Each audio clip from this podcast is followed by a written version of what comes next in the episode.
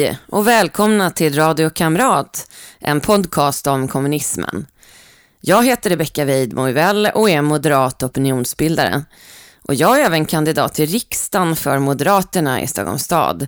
Så vill ni se mig i riksdagen, då får du som medlem i Moderaterna i staden rösta i provvalet 11 till 17 oktober. Kryssa mig som etta, då får jag maximalt med poäng och mina chanser ökar. Valet är digitalt i år och jag kommer att sprida länken i alla mina kanaler när den kommer.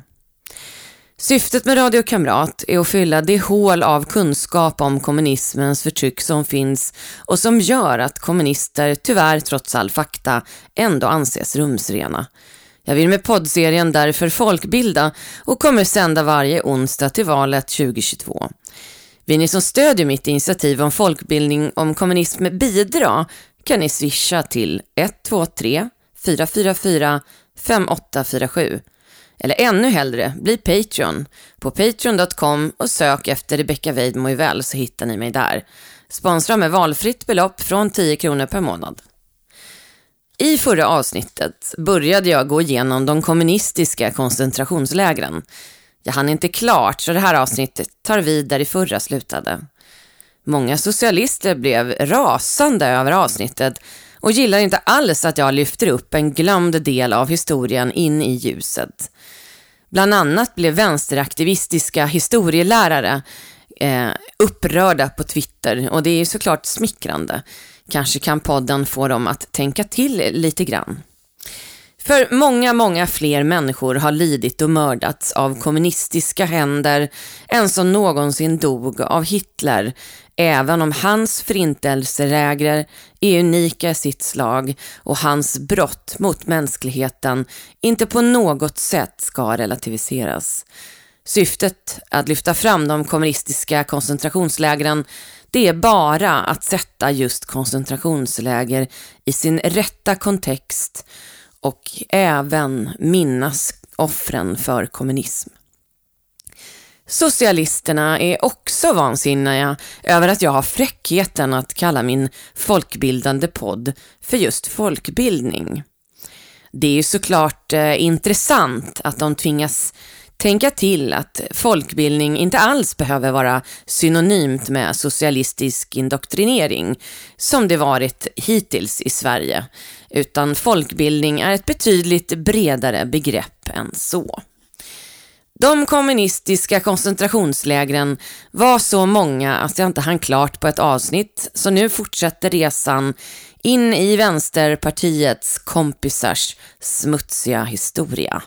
Välkomna!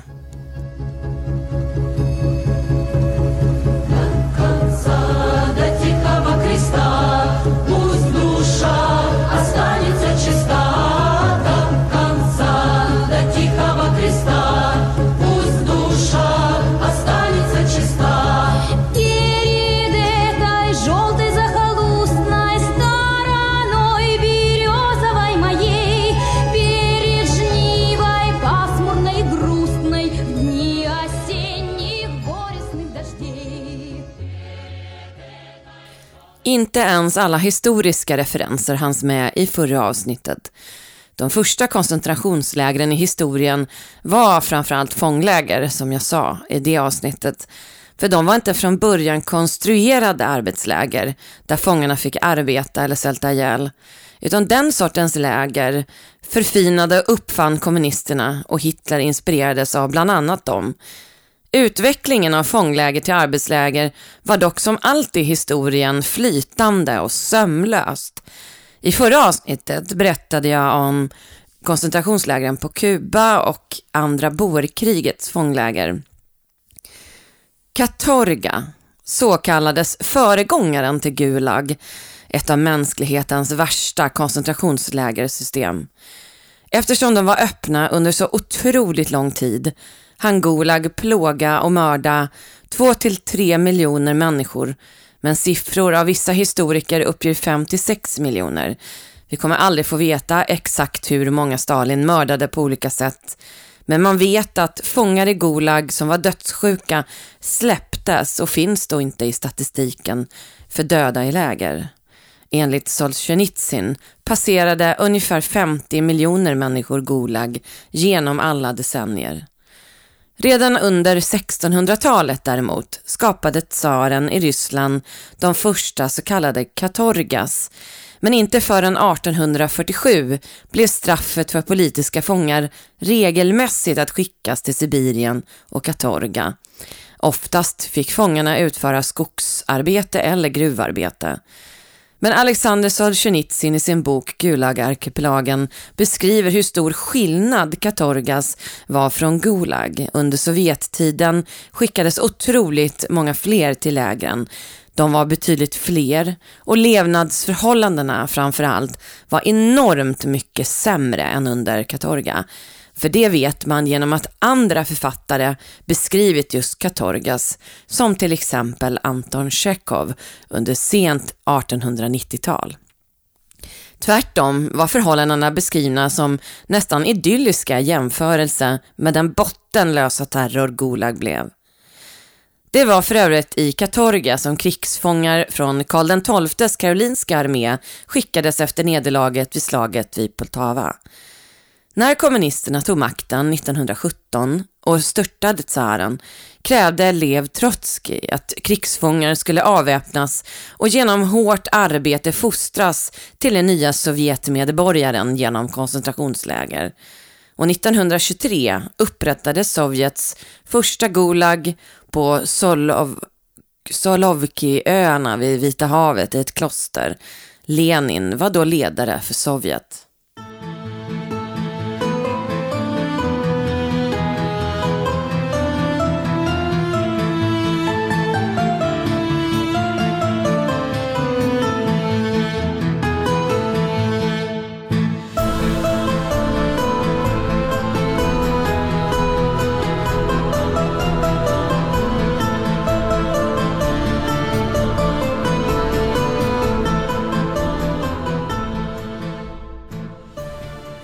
Redan i mitten av 30-talet när Stalin var ledare inhyste Gulag över en miljon fångar.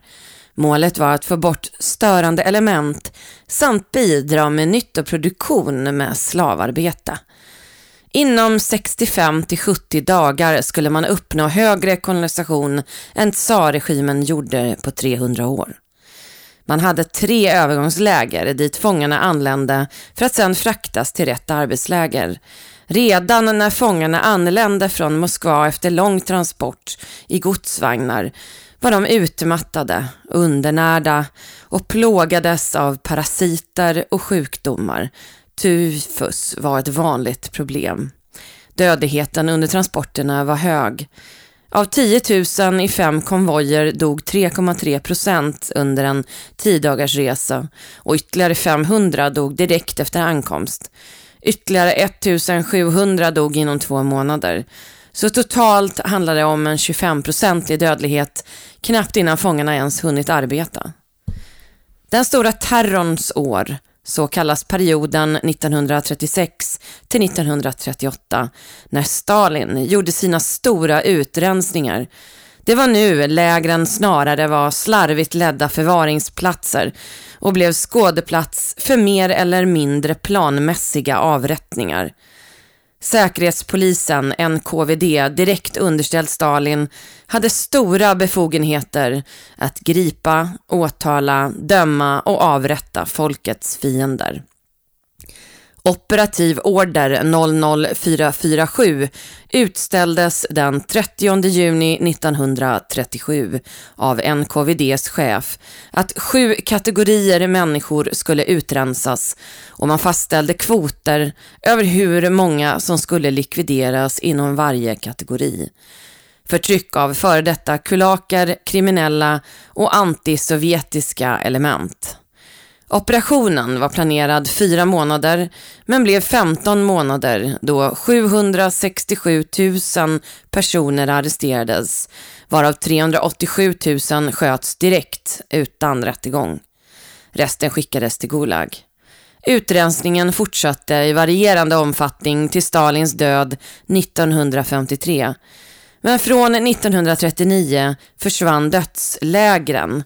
Man kan kalla dem så och Gulag blev återigen arbetsläger där folk arbetade ihjäl sig om de inte lyckades överleva tills de släpptes. Kylan och det hårda klimatet tog också många människors liv. Som de 6 000, 16 000 fångar som fördes till Kolyma men där bara 9 928 överlevde.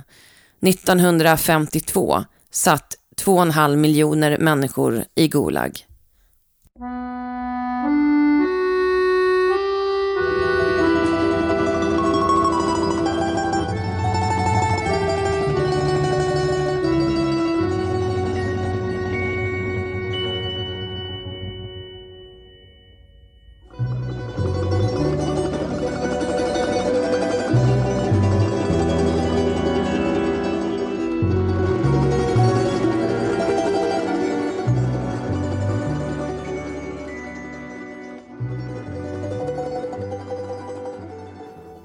Under andra världskriget anpassades många läger till krigsproduktion för att försörja Röda armén med vapen och varor. Sovjetunionens ekonomiska bas var slavarbete i fångläger. Stalins efterträdare Khrushchev avstaliniserade landet och släppte många fångar från lägren, men han avskaffade inte Gulag. Ra när han störtades 1964 tog förtrycket ny fart under Leonid Brezhnev. I mitten av 70-talet beräknade Amnesty att 10 000 av den miljon som satt i fängelse runt om i Sovjetunionen var politiska fångar. Även Andropov, före detta KGB-chef, som efterträdde Brezhnev 1982 fortsatte att spärra in politiska fångar i fängelser. För Gulag-systemet avskaffades officiellt 1960 enligt NKVD, order nummer 020.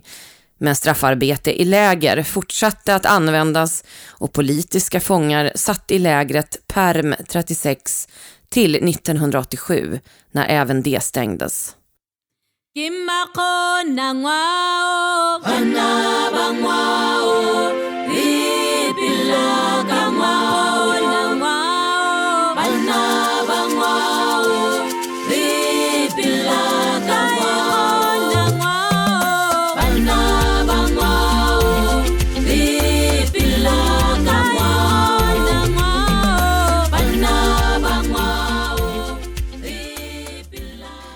Som bekant är det just tyskarnas och nazisternas koncentrationsläger från andra världskriget som är egentligen de enda kända koncentrationslägren på riktigt.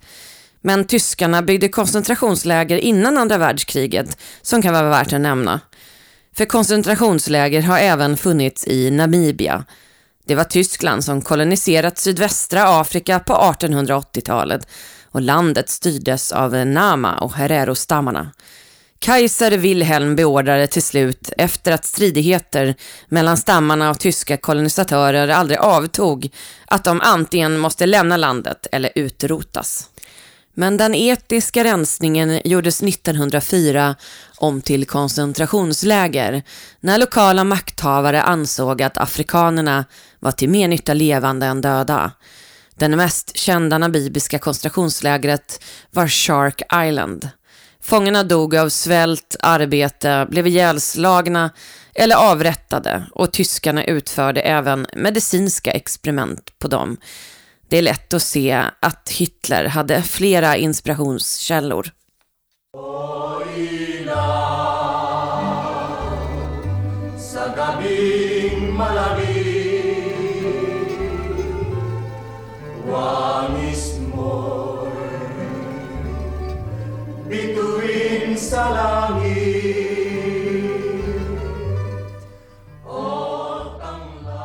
Santo Thomas Internment Camp var det största och mest kända koncentrationslägret på Filippinerna under andra världskriget som innehöll 3000 fångar mellan 42 och 45 i Manila.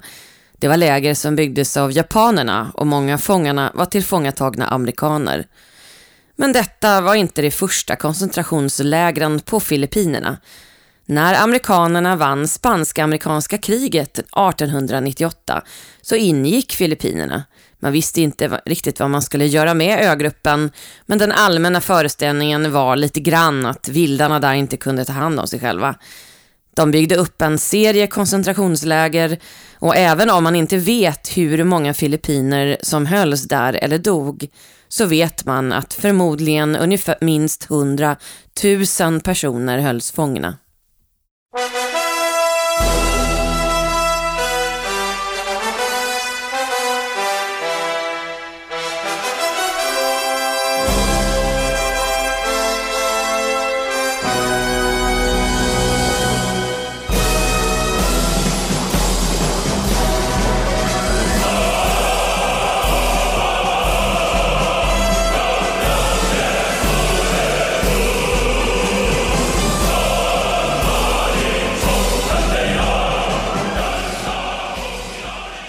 De går inte att förneka. När satelliterna sveper över Nordkorea och fotograferar så lyser de klart och tydligt. Koncentrationslägren. Arbetslägren dit Nordkoreas diktatorer sedan andra världskriget och Nordkorea uppstod som stat skickat oliktänkande, men även deras barn och släktingar. Länge var de en väl bevarad hemlighet, men inte längre. Rykten om lägren började dyka upp i början av 1990-talet. Än idag är den stående orden att den dag regimen faller ska samtliga fångar avrättas. 25 miljoner personer bor i Nordkorea. Det finns minst 30 läger som har identifierats via satellitbilder. Man tror att 80 000 till 120 000 personer hålls inspärrade i dem. Utöver arbetslägren finns det omskolningsläger där tidsbestämda straff håller folk inlåsta under begränsad tid. Uppskattningsvis sitter ytterligare 70 000 i dessa läger. Ingen vet hur många som dött i lägren men en siffra på 400 000 under de senaste 50 åren finns. När någon försvinner säger nordkoreanerna att personen gått upp i bergen. En omskrivning för att ha blivit skickad till läger som mannen som använde en tidning för att torka upp en utspilld dricka och den råkade ha en bild på kära ledaren Kim Jong-Il. Det var Kim Il-Sung som på 50-talet satte upp de första lägren. Det blev ett sätt inte bara att öka kontrollen utan också ett effektivt sätt att bli av med alla som kunde hota hans makt. Bland klassfienderna fanns släktingar till kapitalister, jordägare, politiska konkurrenter, kristna och folk som bedömdes vara utländska spioner. Man tror att han inspirerades av Gulag på grund av sin nära vänskap med Stalin. Fler kommunistiska diktatorer än han har använt sig av kollektiv skuld och det är även en kulturell grund i Östasien där hela släkter kunde avrättas till följd av att en familjemedlem varit inblandad i förräderi mot kejsaren. När järnridån föll anlände sex boskapsvagnar om dagen, sex dagar i sträck fulla med unga nordkoreaner som studerat någonstans i östblocket.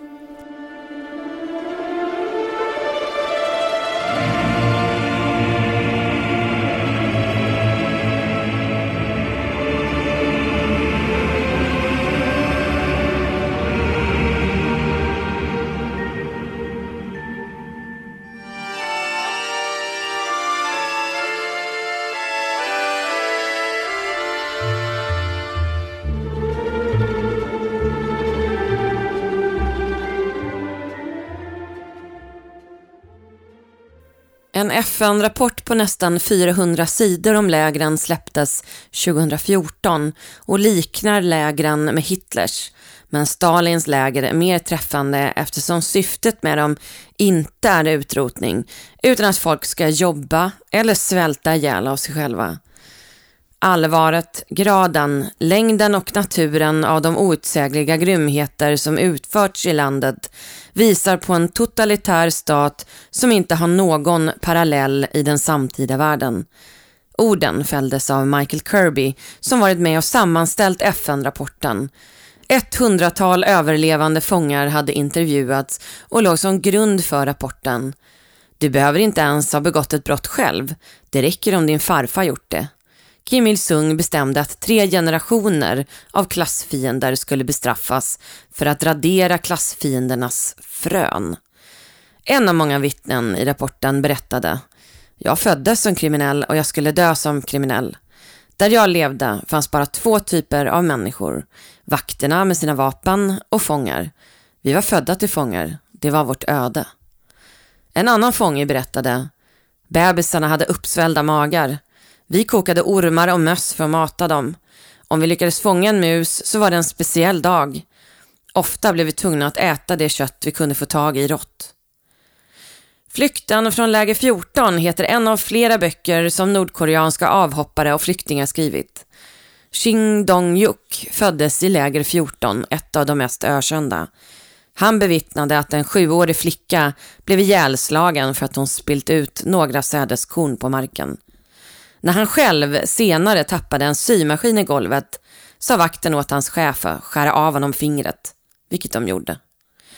Den som försöker ta sig ut ur landet blir antingen ihjälskjuten eller sänds tillbaka av kineserna eller grips på vägen. Kvinnor som sänds tillbaka som är gravida tvångsaborteras för enligt den nationalistiska Jukke-ideologin ska inte kinesiskt blod smutsa ner det nordkoreanska. Ye Hun är en av kvinnorna som citeras i FN-rapporten och hon berättade om en kvinna som ändå fått behålla barnet hon bar på. När bebisen föddes inne i lägret beordrade vakten direkt henne att dränka barnet. Mamman bad för, sitt, för barnets liv. Hon sa att det var ett mirakel, att hon får veta att hon aldrig skulle kunna bli gravid. Men vakten slog henne bara och tvingade henne att dränka barnet med ansiktet före i vattnet. Människorna som hålls i lägren vet inte varför de är där. De har inga domar emot sig och har aldrig ställts inför rätta. Bara upplockade av polisen eller militär och sänds iväg utan att släkt eller familj fått veta var de tog vägen. Det kan räcka med att du vanärar en bild på ledaren, att du har lyssnat på radio eller tittat på sydkoreanska filmer. Det finns uppgifter om att flera hundra släktingar till Kim Jong-Uns farbror, Yang Song-Tek, som avrättades 2013 tagits till läger. En av dem tros vara den före detta nordkoreanska ambassadören i Stockholm som senast sågs på ett plan till Nordkorea omgiven av nordkoreansk säkerhetspolis 2013.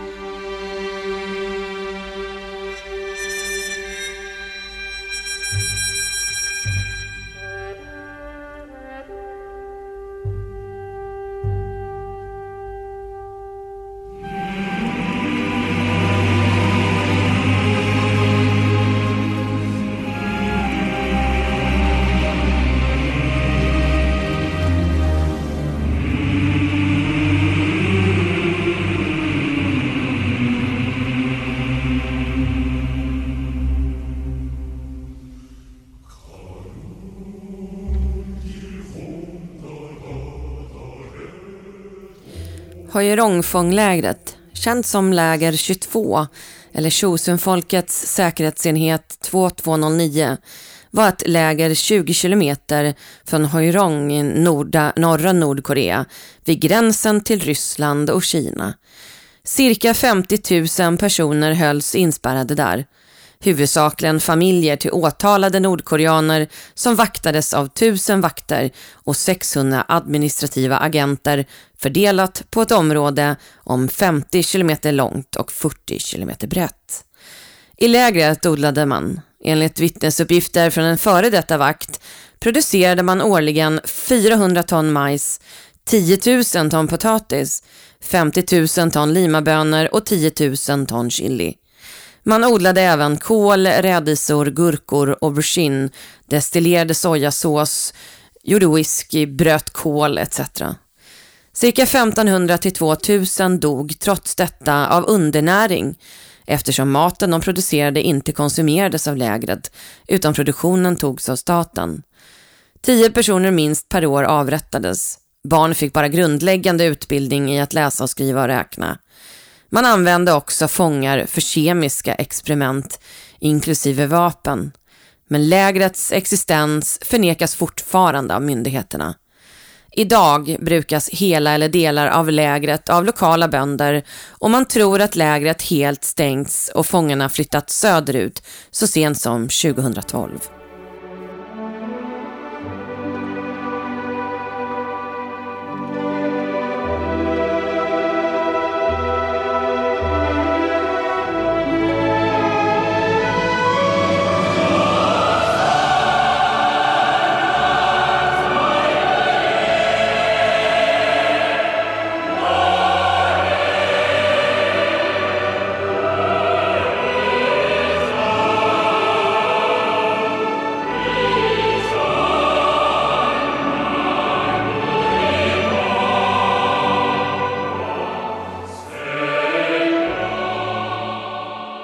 Ett av de tidigaste vittnesmålen kom från Zhang Chol-Wan som år 2000 kom ut med boken The Aquariums av Pyongyang.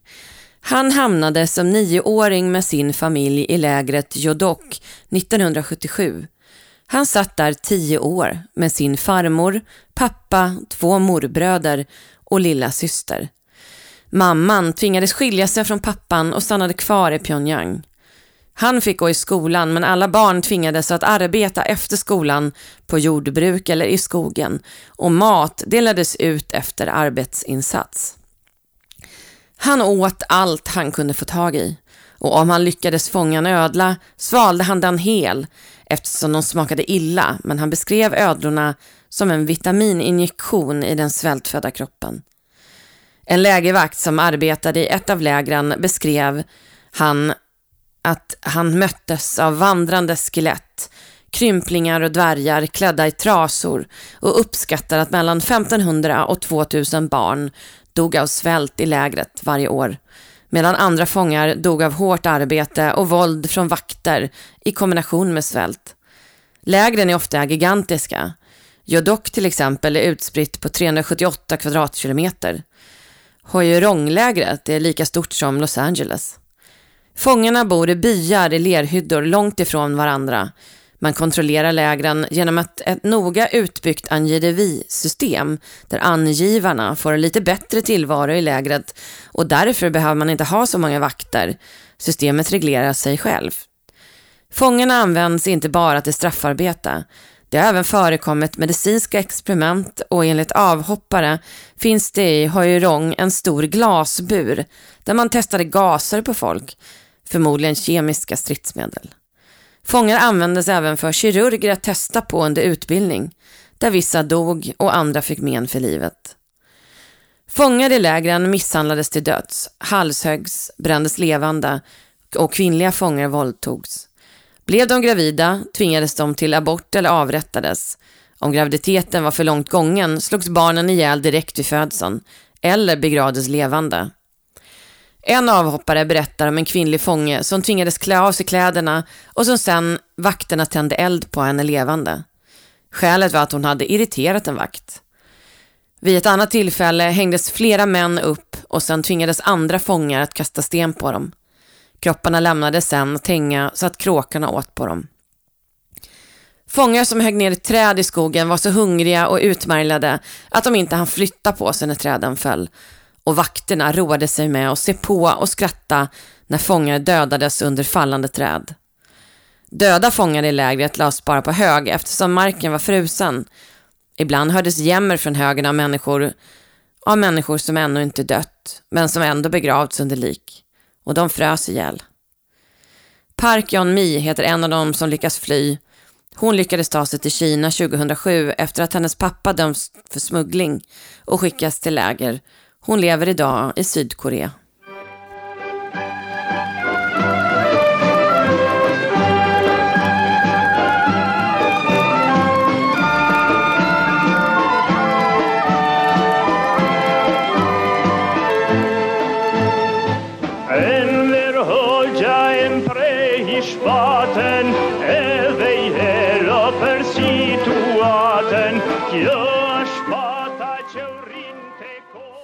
Enver Hoxha hette mannen som styrde Albanien med järnhand fram till järnridån föll.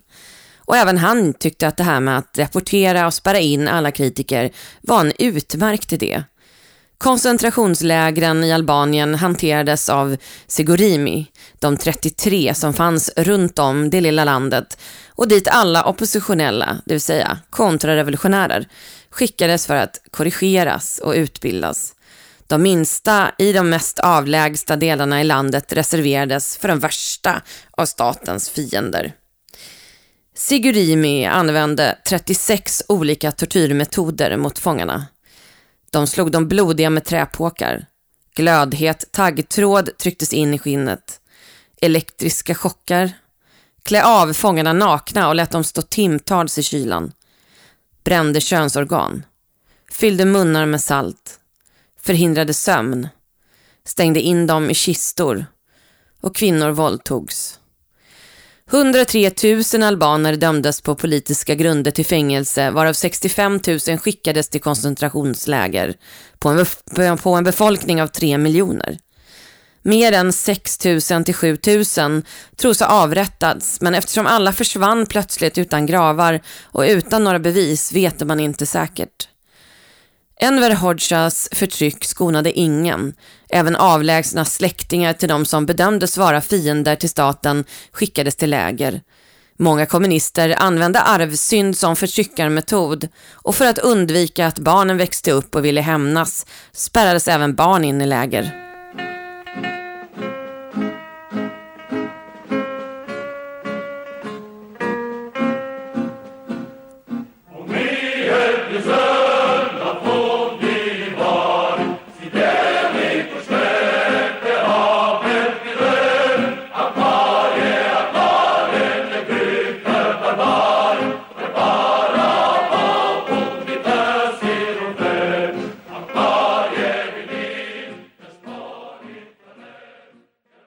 Simon Mirakai var bara några veckor gammal när han 1945 tillsammans med sin mamma och två syskon skickades till ett koncentrationsläger.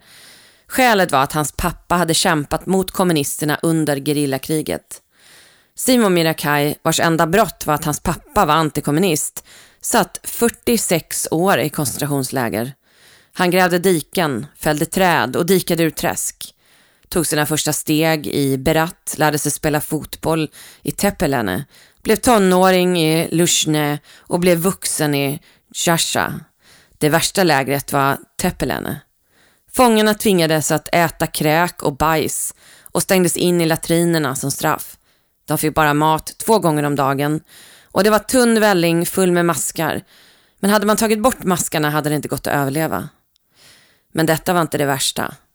Lägret låg på mark full med minor från grek-italienska kriget 1941. Minor brukade gå av när som helst och kroppsdelarna flög.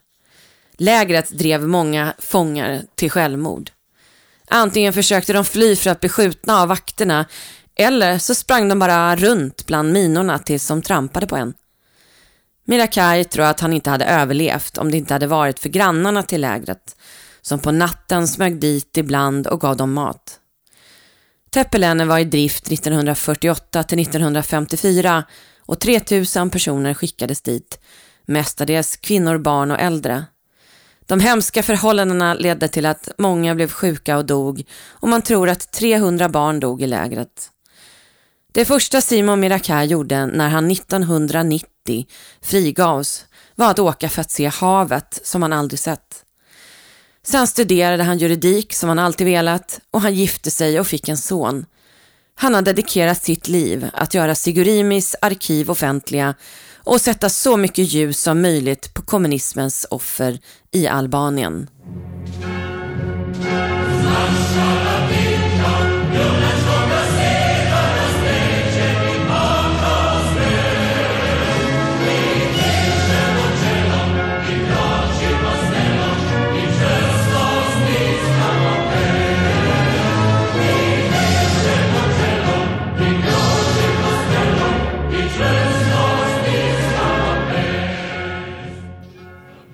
Tito, så hette diktatorn i Jugoslavien. Tiotusentals fångar skickades till arbetsläger där och ett av de värsta var Goli Otok. Ön ligger utanför den kroatiska kusten och är obebodd.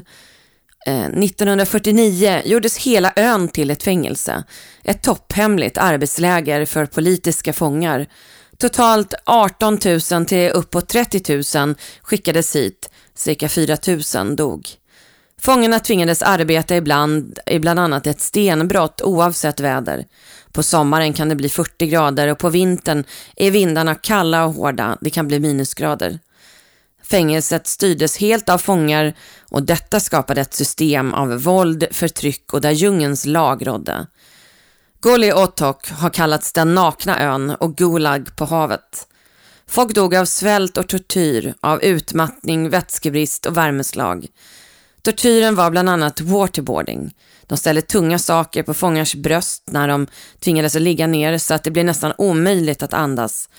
Fångar tvingades stå still i brännande sol i sommaren. Straffen utfördes av före detta partikollegor, före detta vänner, grannar. Syftet var utbildning, vilket man skulle få genom hårt arbete och bestraffning.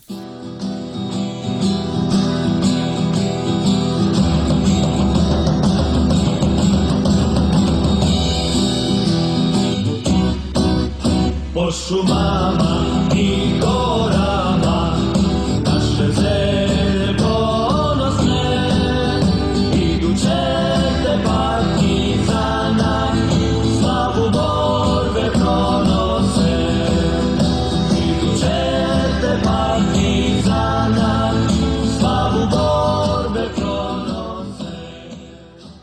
Fångläger i modern tid.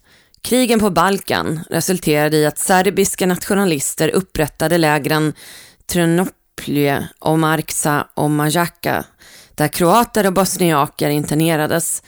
USA byggde Guantanamo när kriget mot terror inleddes tidigt 2000-tal. De nordkoreanska lägren har vi redan gått igenom. Omskolningsläger i Kina används idag för att spärra in framförallt muslimer. Xinjiangs omskolningsläger ligger i nordvästra Kina och man uppskattar att en miljon ur den muslimska minoriteten uigurer hålls inspärrade där. Även kasaker ingår i förföljelsen.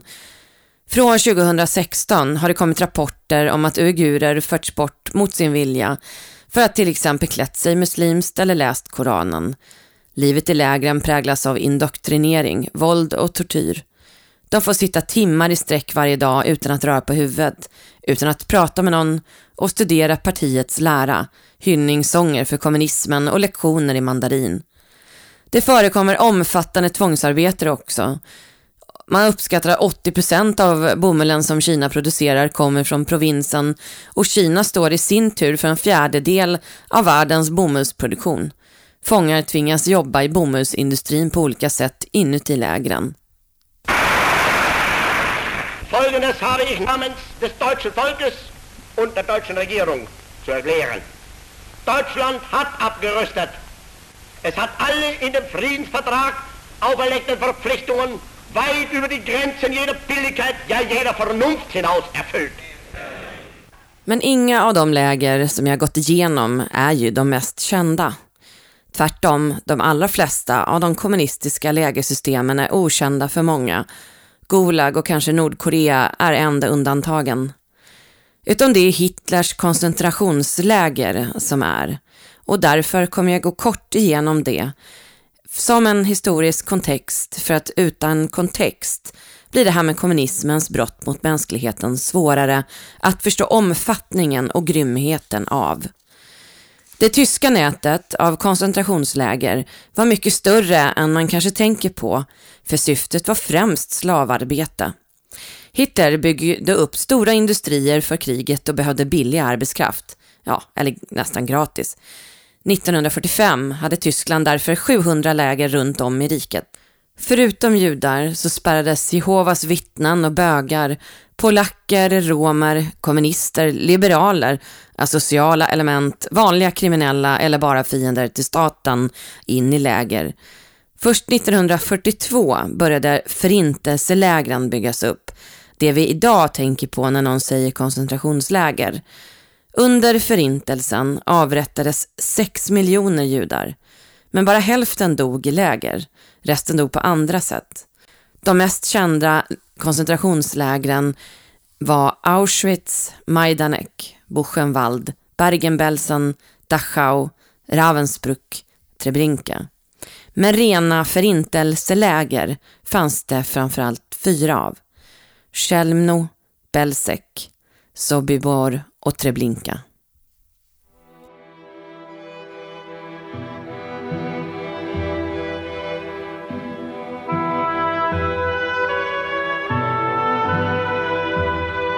can be important only because I am a musician or because I am a Jew and I feel this duty.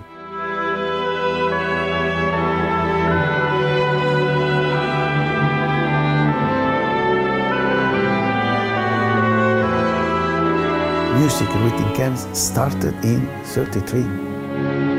For my research, it's important to search for all music written by everybody was arrested or interned or deported. We have a lot of Jews in Australia.